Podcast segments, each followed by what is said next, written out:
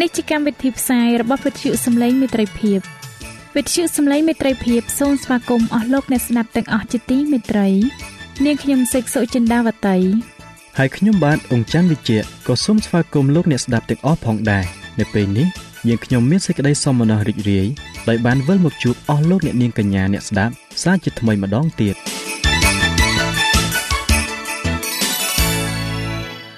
នាងខ្ញុំសេកសុចិន្តាវតី សូមជម្រាបជូនកម្មវិធីផ្សាយ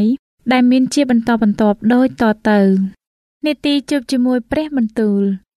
នេតិបទទំនាយនិងប្រវត្តិសាស្ត្រចា៎លោកអ្នកស្ដាប់ជាទីមេត្រី នាងខ្ញុំសូមគោរពអញ្ជើញអស់លោកលោកស្រី អ្នកនាងកញ្ញាតាមដានស្ដាប់កម្មវិធីផ្សាយរបស់វិទ្យុយើងខ្ញុំដូចតទៅ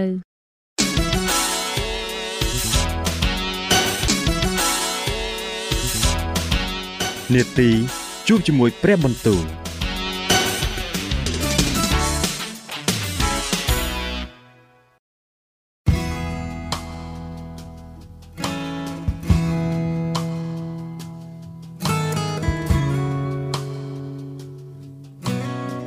ចាអស់លោកអ្នកស្ដាប់ជាទីមេត្រី ជាដំបូងនាងខ្ញុំសូមអញ្ជើញលោកអ្នកនាងស្ដាប់នេតិជួបជាមួយព្រះបន្ទូលនេតិនេះ នឹងលើកយកព្រះបន្ទូលពីព្រះគម្ពីររបស់ខ្សត្រទី2ដែលនឹងជម្រាបជូនដល់លោកអង្ចាន់វិជ្ជៈដូចតទៅ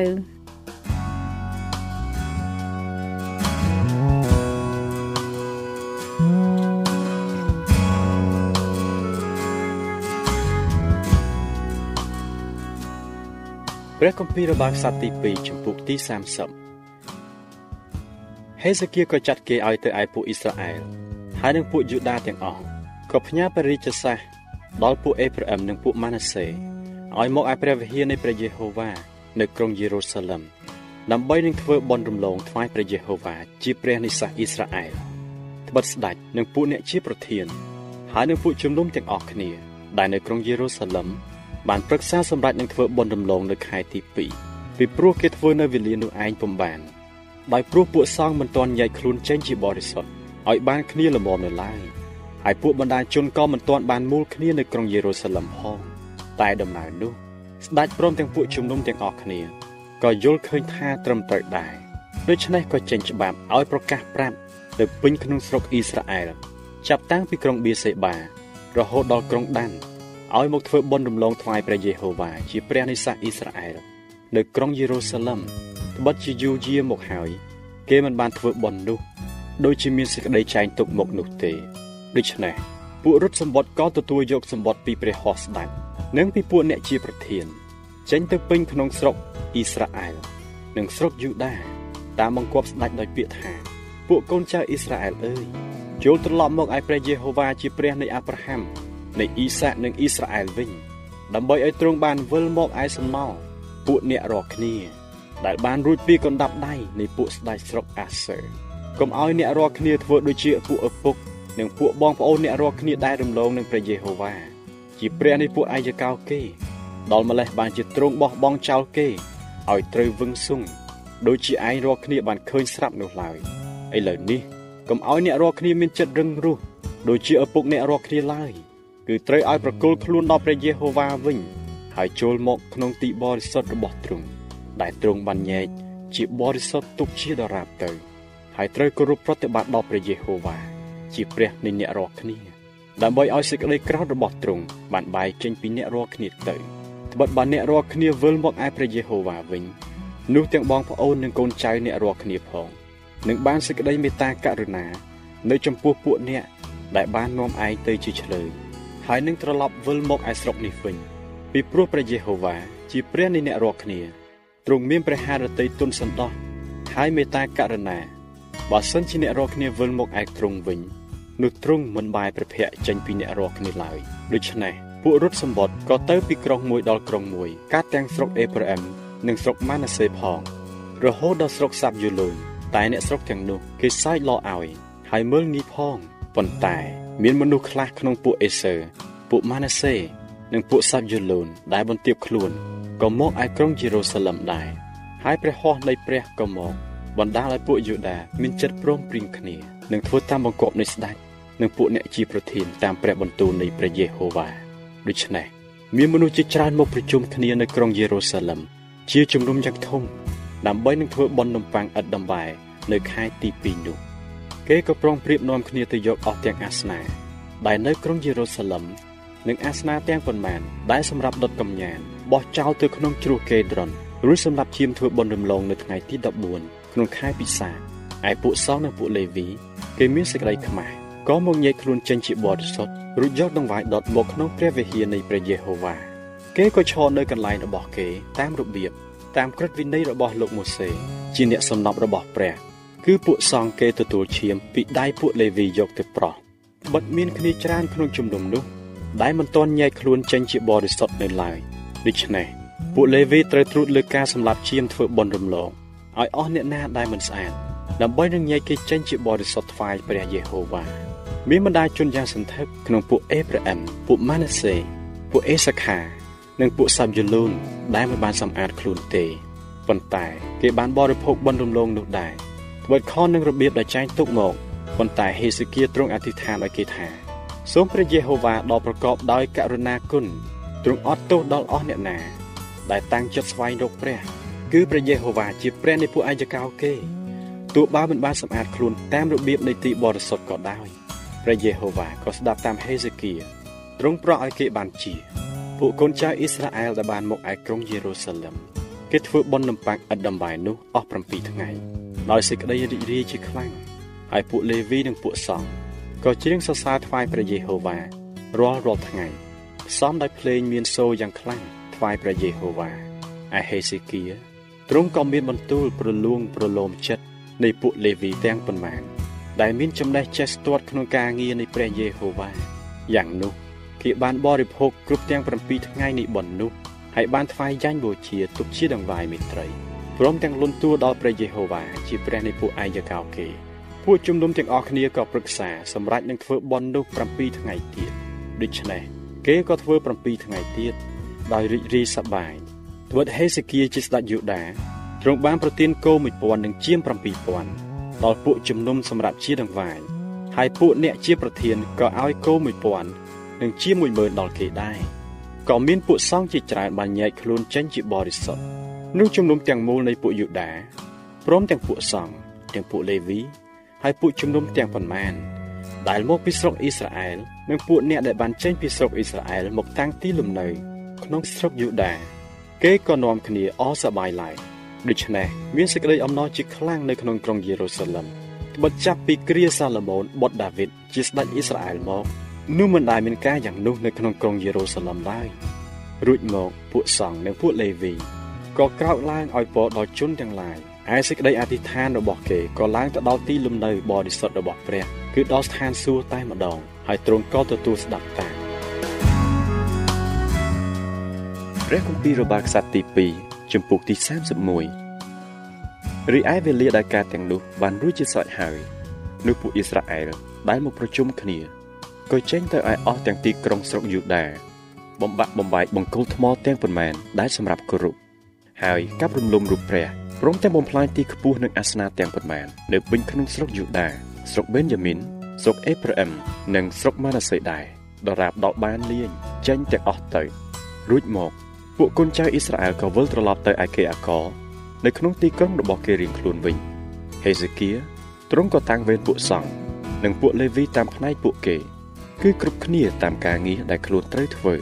ទាំងពួកសង្ឃនិងពួកលេវីដែរដើម្បីឲ្យបានថ្វាយដង្វាយដុតដង្វាយមេត្រី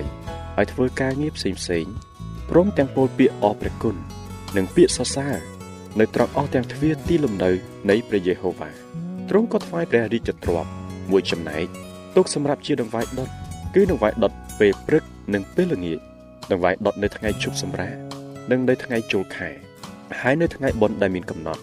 ដូចជាបានកត់ទុកក្នុងក្រឹតវិន័យព្រះយេហូវ៉ាមួយទៀតទ្រង់បង្គាប់ដល់ពួកមនុស្ស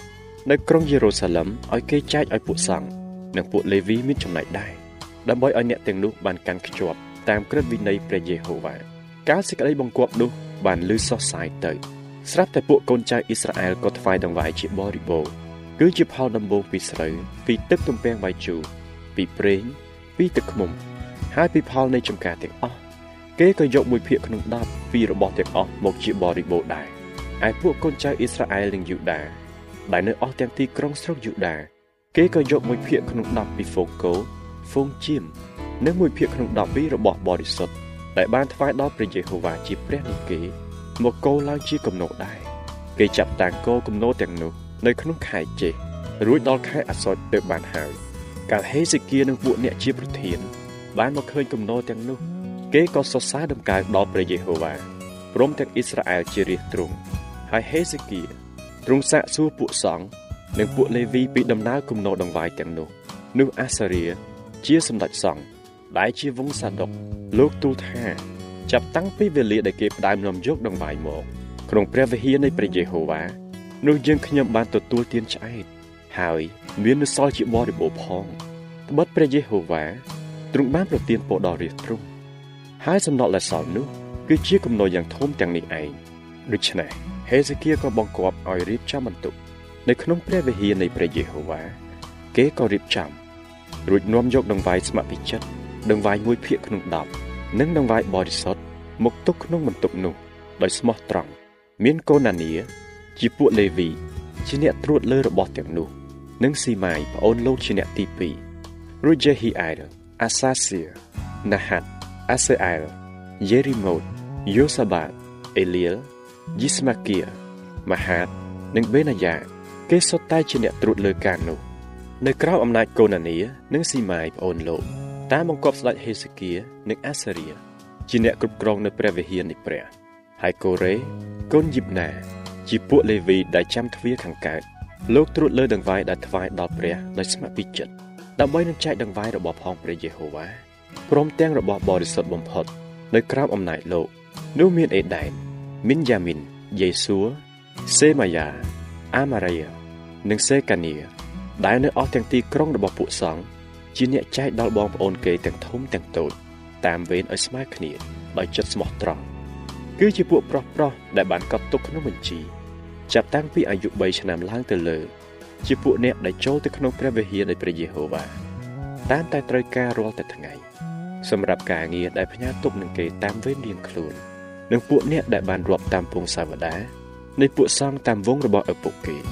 ហើយនិងពួកលេវីចាប់តាំងពីអាយុ20ឆ្នាំឡើងទៅលើ តាមការងារតាមវេនគេ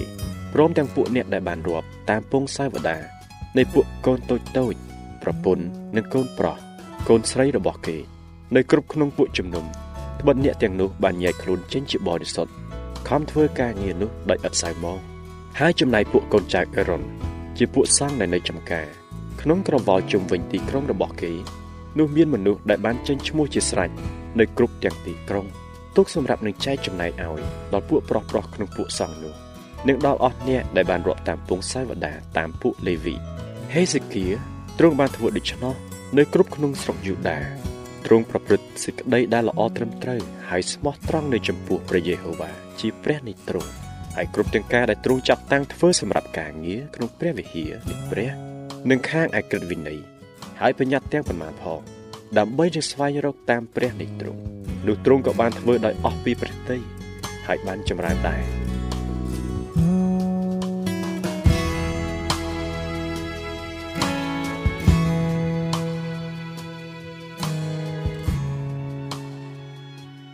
ចា៎ប្រិយមិត្តអ្នកស្ដាប់ជាទីមេត្រី ដោយពេលវេលាមានកំណត់ យើងខ្ញុំសូមផ្អាកនាទីជប់ជាមួយព្រឹបបន្ទូលនេះត្រឹមតែប៉ុណ្ណេះសិនចុះដោយសន្យាថានឹងលើកយកនាទីនេះ មកជម្រាបជូនជាបន្តទៀតនៅថ្ងៃច័ន្ទសប្តាហ៍ក្រោយ សូមអរគុណ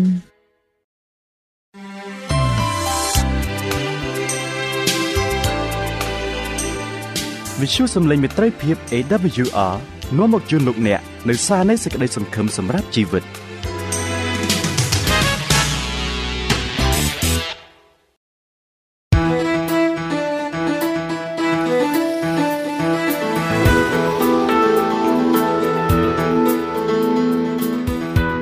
សូមជូននីតិវត្តនីនិងប្រវត្តិសាស្ត្រ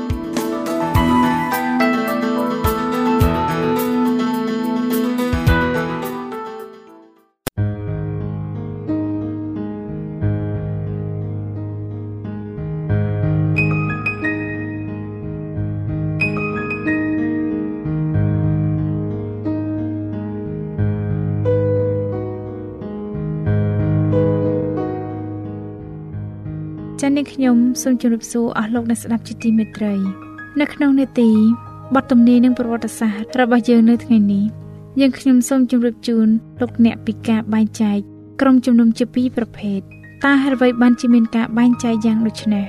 តើទាំងពីរប្រភេទនេះខុសគ្នាយ៉ាងណាខ្លះដើម្បីលោកអ្នកនាង បានជ្រាបកាន់តែច្បាស់ខ្ញុំបាទសូមជម្រាបជូនពីមូលហេតុនិងភាពខុសគ្នារវាងក្រុមជំនុំទាំងពីរនេះចា៎ដូច្នេះ សូមលោកអ្នកតាមដានស្ដាប់ជាមួយនឹងលោកអនយ៉ារិតនៅភាពបញ្ចប់នៃចម្ពោះទី2នេះដូចតទៅមានក្រុមពីរប្រភេទនៅក្នុងចំណោមអ្នកដែលអះអាងថាខ្លួនដើរតាមព្រះគ្រីស្ទក្នុងខណៈដែលពួកមួយសិក្សាអំពីព្រះជន្មនៃព្រះអង្គសង្គ្រោះហើយខិតខំយ៉ាងអស់ពីចិត្តដើម្បីកែតម្រូវនៅភាពខុសឆ្គងរបស់ខ្លួន ទាំងអនុលោមទៅតាមព្រះដូចជាគំរូផងនោះមួយក្រុមទៀត ជៀសចេញមិនចង់ឃើញសេចក្តីពិតដែលងាយនឹងអនុវត្តនោះព្រោះវាបើកសម្ដែងនៅកំហុសរបស់ខ្លួនទោះបីជាក្នុងសភាពដ៏ប្រសើរបំផុតក៏ដោយក្រុមជំនុំពុំបានសំផ្គុំឡើងដោយពួកប្រកាន់សេចក្តីពិតនិងសេចក្តីស្មោះត្រង់ទាំងអស់គ្នាទេយូដាសត្រូវបានអនុញ្ញាតឲ្យមានទំនាក់ទំនងជាមួយពួកសាវកប្រយោជន៍ឲ្យឃើញកំហុសរបស់ខ្លួនតាមរយៈការបង្រៀននិងគំរូរបស់ព្រះគ្រីស្ទប៉ុន្តែដោយសារការបណ្ដោយខ្លួនតាមអំពើបាប គាត់បានចាញ់សេចក្តីល្បួងរបស់សាតាំងគាត់មានកំហឹងនៅពេលដែលមានការស្ដីបន្ទោសដល់កំហុសរបស់គាត់ដូច្នេះហើយគាត់ក៏ត្រូវបាននាំឲ្យក្បត់ព្រះបរមគ្រូរបស់ខ្លួនព្រះគម្ពីរម៉ាកុសចំពុកទី14ខ10ខ11រីឯនៅក្នុងព្រះគម្ពីរកិច្ចការបានចែងអំពីអាណានីសនិងសាភីរាបានកុហកថាលះបង់ទាំងស្រុងសម្រាប់ព្រះ នៅពេលដែលគេទុកចំណែកមួយផ្នែកសម្រាប់ខ្លួនគេ ដោយមានចិត្តកំណាញ់ ព្រះវិញ្ញាណនៃសេចក្តីពិត បានបង្ហាញដល់ពួកសាវកនៅចរិតពិតប្រកបរបស់ជួនកម្ពុតទាំងនេះហើយការវិនិច្ឆ័យរបស់ព្រះក៏បានកម្ចាត់ចេញ នៅអំពើទុច្ចរិតដើម្បីឲ្យក្រុមជំនុំមានភាពបរិសុទ្ធព្រះគម្ពីរកិច្ចការចំពុកទី5ខ1ដល់ខ11នៅពេលដែលការធ្វើទុកបុកម្នេញបានកើតឡើងដល់គ្រីស្ទបរិស័ទមានតែអ្នកសុខចិត្តលះបង់អ្វីៗទាំងអស់សម្រាប់សេចក្តីពិតទេ ដែលប្រាថ្នាចង់ធ្វើជាសាវករបស់ទ្រង់នោះ ប៉ុន្តែនៅពេលដែលការធ្វើទុកទោសបានបញ្ឈប់ហើយនោះអ្នកដែលបានកែប្រែចិត្តជឿក៏មានចំនួនច្រើនដែរតែគេពុំសូវមានចិត្តស្មោះត្រង់ទេ ហើយផ្លូវក៏បើកចំហឡើងឲ្យសាតាំងយកពួកគេធ្វើជាឈ្នន់នៅពេលដែលពួកអ្នកគ្រីស្ទៀនយកស្របទៅនឹងការរួបរวมជាមួយពួកអ្នកកាន់សាសនាដទៃដែលបានកែប្រែចិត្តតែពាក្យកណ្ដាលនោះសាតាំងអស់សបាយពេកក្រៃបន្ទាប់មក វាបណ្ដាលឲ្យពួកគេធ្វើទុកទោស ដល់ពួកអ្នកដែលជឿស្មោះត្រង់ដល់ព្រះ ពួកគ្រីស្ទបរិស័ទទាំងនេះដែលងាកចេញពីជំនឿហើយរួបរวมជាមួយពួកអ្នកជឿសាសនាដទៃតែពាក់កណ្ដាលក៏នាំគ្នាវាយប្រហារដល់ប្រការសំខាន់សំខាន់នៃគោលលទ្ធិរបស់ព្រះគ្រីស្ទឃើញថាពួកគេត្រូវការការតស៊ូជាខ្លាំងដើម្បីឲ្យឈរបានមាំទប់ទល់នឹងសេចក្តីបំភ័ន្តនិងសេចក្តីស្អប់ខ្ពើមដែលបានកើតឡើងក្នុងពួកជំនុំគេពុំបានទទួលយកព្រះគម្ពីរ មកធ្វើជាຂ្នាតនៃសេចក្តីជំនឿទេគេបានចាត់ទុកគោលលទ្ធិនៃសេរីភាពសាសនាថាជាលទ្ធិខុសឆ្គងទៅវិញបន្ទាប់ពីការប៉ះទង្គិចដ៏យូរលង់មកអ្នកដែលមានភក្តីភាពចំពោះសាសនាបានយល់ថាការញែកចែងឲ្យដាច់ស្រឡះគឺជាការចាំបាច់គេពុំហ៊ានស៊ូទ្រាំនឹងកំហុសទាំងឡាយដែលបណ្ដាលឲ្យស្លាប់ខាងប្រលឹងវិញ្ញាណហើយនឹងធ្វើឲ្យគ្រោះថ្នាក់ដល់ដំណរកូនចៅរបស់គេឡើយគេមានអារម្មណ៍ថាការទទួលសន្តិភាពដោយលះបង់កន្លងធម៌ គឺជាការខាតបង់ខ្លាំងណាស់ប្រសិនបើជាអាចនឹងទទួលឯកភាពគ្នាបាន តាមតែការលះបង់នៅសេចក្តីពិតប៉ុណ្ណោះនោះចូលឲ្យមានភាពខុសគ្នា ហើយនឹងសង្គ្រាមចុះពួកគ្រីស្ទៀនជួនដើម ជាមនុស្សចម្លែកពិតមែនពួកគេមានគ្នាតិចគ្មានទ្រព្យសម្បត្តិគ្មានមុខតំណែងឬបុណ្យស័ក្តិអ្វីទេហើយពួកមនុស្សទុច្ចរិតបានស្អប់គេ ដូចជាកាអ៊ីនបានស្អប់ដល់អេបលដែរចាប់តាំងពីសម័យនៃព្រះគ្រីស្ទរហូតមកដល់សពថ្ងៃនេះពួកសាវក ដែលមានភក្តីភាពចំពោះទ្រង់បានរំជួលឲ្យអ្នកដែលស្រឡាញ់អំពើបាប មានសម្អប់នឹងសេចក្តីជំទាស់បើដូច្នេះតើត្រូវហៅដំណឹងល្អថាជាដំណឹងនៃសន្តិភាពដូចម្តេចកើតនៅក្នុងព្រះគម្ពីរលូកាពួកទេវតាបានច្រៀងនៅលើទីវាលបេតលេហឹមថាសួស្តីដល់ព្រះនៅនគរស្ថានសួគ៌ខ្ពស់បំផុតហើយសេចក្តីសុខសាន្តនៅផែនដី នៅកណ្ដាលមនុស្សដែលជាទីគប់បហារតីដល់ទ្រង់ព្រះគម្ពីរលូកាចំពុកទី2ខ14 ឃើញថាមានភាពខុសគ្នា រវាងបទទំនាយដែលបានទាយនិងព្រះបន្ទូលរបស់ព្រះគ្រីស្ទដែលបានចែងនៅក្នុងព្រះគម្ពីរម៉ាថាយថាខ្ញុំមិនមែនមក ដើម្បីតាំងឲ្យមានសេចក្តីមេត្រីទេ គឺឲ្យមានដាវវិញព្រះគម្ពីរម៉ាថាយចំពុកទី10ខ34ប៉ុន្តែសូមយល់ឲ្យច្បាស់ថាទាំងពីរនេះគឺត្រូវគ្នាឥតខ្ចោះដំណឹងល្អជាដំណឹងនៃសន្តិភាពសាសនារបស់ព្រះគ្រីស្ទកាលបានទទួលជឿនិងប្រតិបត្តិតាម នោះនឹងផ្សព្វផ្សាយនៅសន្តិភាព និងសុភមង្គលគ្រប់ទីកន្លែងនៅលើផែនដីនេះបេសកកម្មរបស់ព្រះយេស៊ូវគឺដើម្បីផ្សះផ្សាមនុស្សឲ្យបានទៅឯព្រះហើយនឹងផ្សះផ្សាគ្នាទៅវិញទៅមករវាងមនុស្សនិងមនុស្សប៉ុន្តែពិភពលោកទូទៅ គឺស្ថិតនៅក្រោមការគ្រប់គ្រងរបស់សាតាំងដែលជាប្រចាំមិត្តដ៏ជូរចត់បំផុតរបស់ព្រះគ្រីស្ទដំណឹងល្អបង្ហាញដល់គេនៅគោលសំខាន់នៃជីវិតដែលផ្ទុយស្រឡះពីទម្លាប់ និងក្តីប៉ងប្រាថ្នារបស់គេ បានជាគេជំទាស់នឹងដំណឹងល្អនេះ គេស្អប់ភាពបរិសុទ្ធដែលថ្កោលទោសដល់អំពើបាប ម្ល៉េះហើយ បានជាគេធ្វើទុកទោសដល់អ្នកដែលជំរុញភាពបរិសុទ្ធនោះដល់គេ ក្នុងអត្ថន័យនេះហើយដែលដំណឹងល្អត្រូវបានគេហៅថាជាដាវជួនជាច្រើនដែលមានជំនឿខ្សោយហៀបតែនឹងលែងទុកចិត្តដល់ព្រះ ពីព្រោះទ្រង់អនុញ្ញាតឲ្យមនុស្សអាក្រក់ចម្រើនបរិបូរឡើងហើយមនុស្សដែលល្អសុចរិត ត្រូវទទួលទរណកម្មដោយអំពើកាយសាហាវយងខ្នងរបស់ពួកគេវិញតើព្រះដែលប្រកបដោយយុត្តិធម៌មេត្តាធម៌និងអំណាចព្រះចេស្តាទ្រាំទ្រនឹងអំពើអយុត្តិធម៌របៀបនេះដោយមិនដាច់កើតព្រះទ្រង់បានប្រទានភ័ស្តុតាងនៃសេចក្តីស្រឡាញ់ឲ្យយើងគ្រប់គ្នាហើយយើងមិនត្រូវសង្ស័យអំពីសេចក្តីល្អរបស់ទ្រង់ទេ ដោយព្រោះតែយើង មិនអាចយល់នៅសព្វញ្ញូញាណរបស់ទ្រង់បាននោះព្រះអង្គសង្គ្រោះ បានមានបន្ទូលនៅក្នុងព្រះគម្ពីរយូហានថាចូលនឹកចាំអំពីពាក្យដែលខ្ញុំបានប្រាប់អ្នករាល់គ្នាហើយថាបើមិនមែនធំជាងចវាយទេ បើគេបៀតបៀនដល់ខ្ញុំនោះគេនឹងបៀតបៀនដល់អ្នករាល់គ្នាដែរព្រះគម្ពីរយូហានចំពុកទី15ខ20អ្នកដែលព្រះបានហៅឲ្យទទួលរងទុក្ខនិងបដូរបង់ជីវិត គឺកំពុងតែដើរតាមជំហាននៃព្រះរាជបុត្រាដ៏ស្ងួនភ្ងារបស់ព្រះហើយ អ្នកសុចរិតត្រូវបានដាក់ក្នុងឡភ្លើងនៃសេចក្តីវេទនាប្រយោជន៍ឲ្យគេបានបរិសុទ្ធឡើង ដើម្បីឲ្យគំរូរបស់គេធ្វើទីបន្ទាល់ដល់អ្នកដទៃឲ្យគេបានជឿដល់សេចក្តីពិតនៃជំនឿនិងភាពដែលមានព្រះនៅក្នុងខ្លួនហើយនឹងប្រយោជន៍ឲ្យការប្រព្រឹត្តតាមកន្លងធម៌របស់គេផ្ចាញ់ផ្ចាលដល់អ្នកដែលឥតមានព្រះនៅក្នុងខ្លួន និងដល់អ្នកមិនជឿផងដែរព្រះអនុញ្ញាតឲ្យមនុស្សទុច្ចរិតចម្រើនឡើង និងឲ្យគេបញ្ចេញ អមិត្តភាពរបស់គេដល់ទ្រង់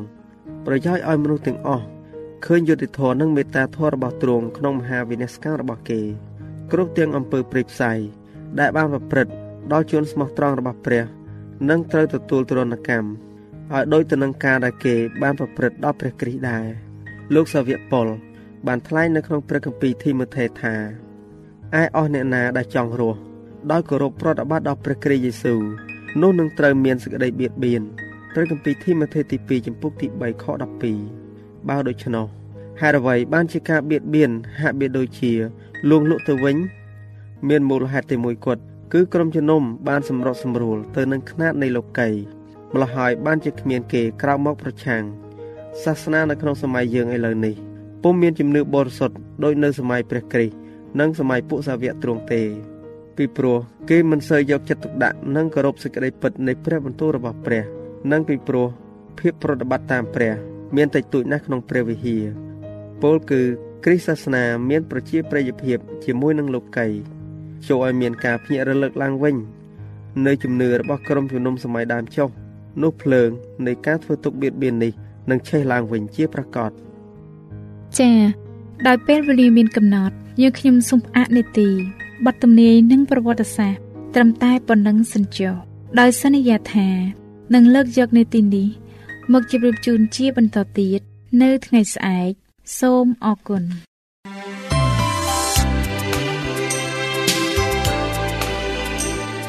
វិទ្យុសំឡេងមេត្រីភាព AWR មានផ្សាយពីរដងក្នុងមួយថ្ងៃគឺព្រឹកនៅម៉ោង6និងពេលយប់នៅម៉ោង8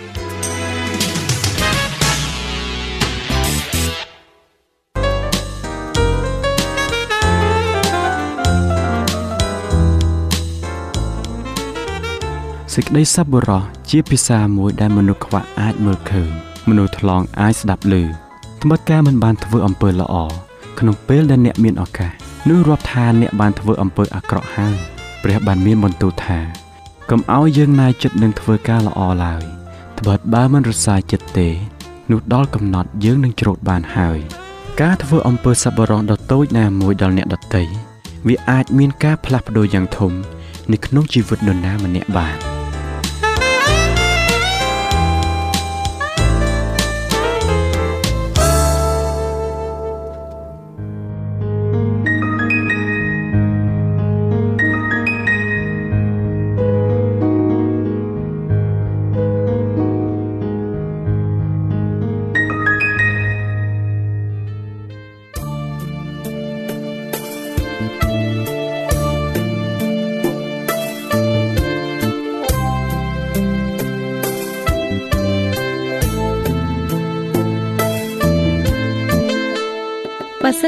អ្នកមានសំណួរឬសំណុំពរអ្វីសូមតាក់ទងមកការិយាល័យវិទ្យុយើងខ្ញុំ តាមអាស័យដ្ឋានផ្ទះលេខ15ផ្លូវលេខ568សង្កាត់បឹងកក់2ខណ្ឌទួលគោករាជធានីភ្នំពេញលោកអ្នកក៏អាចសរសេរសម្បត្តិផ្ញើមកយើងខ្ញុំ តាមរយៈប្រអប់សម្បត្តិលេខ488ភ្នំពេញឬតាមទូរស័ព្ទលេខ012 34 96 64ឬ097 80 81 060ឬក៏តាមរយៈអ៊ីមែល vol@awr.org យើងខ្ញុំរងចាំទទួលស្វាគមន៍អស់លោកអ្នកនាងដោយក្តីសោមនស្សរីករាយហើយលោកអ្នកក៏អាចស្ដាប់កម្មវិធីនេះឡើងវិញដោយចូលទៅកាន់ website របស់វិទ្យុយើងខ្ញុំតាមរយៈអាស័យដ្ឋាន www.awr.org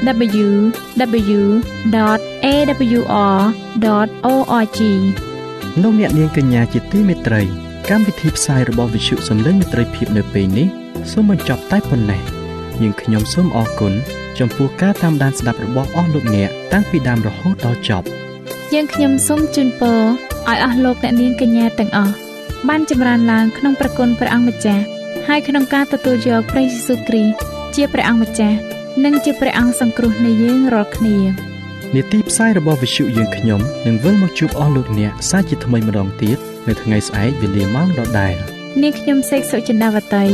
និងខ្ញុំបាទអ៊ំច័ន្ទវិជ្ជៈសូមអរគុណសូមជម្រាបលា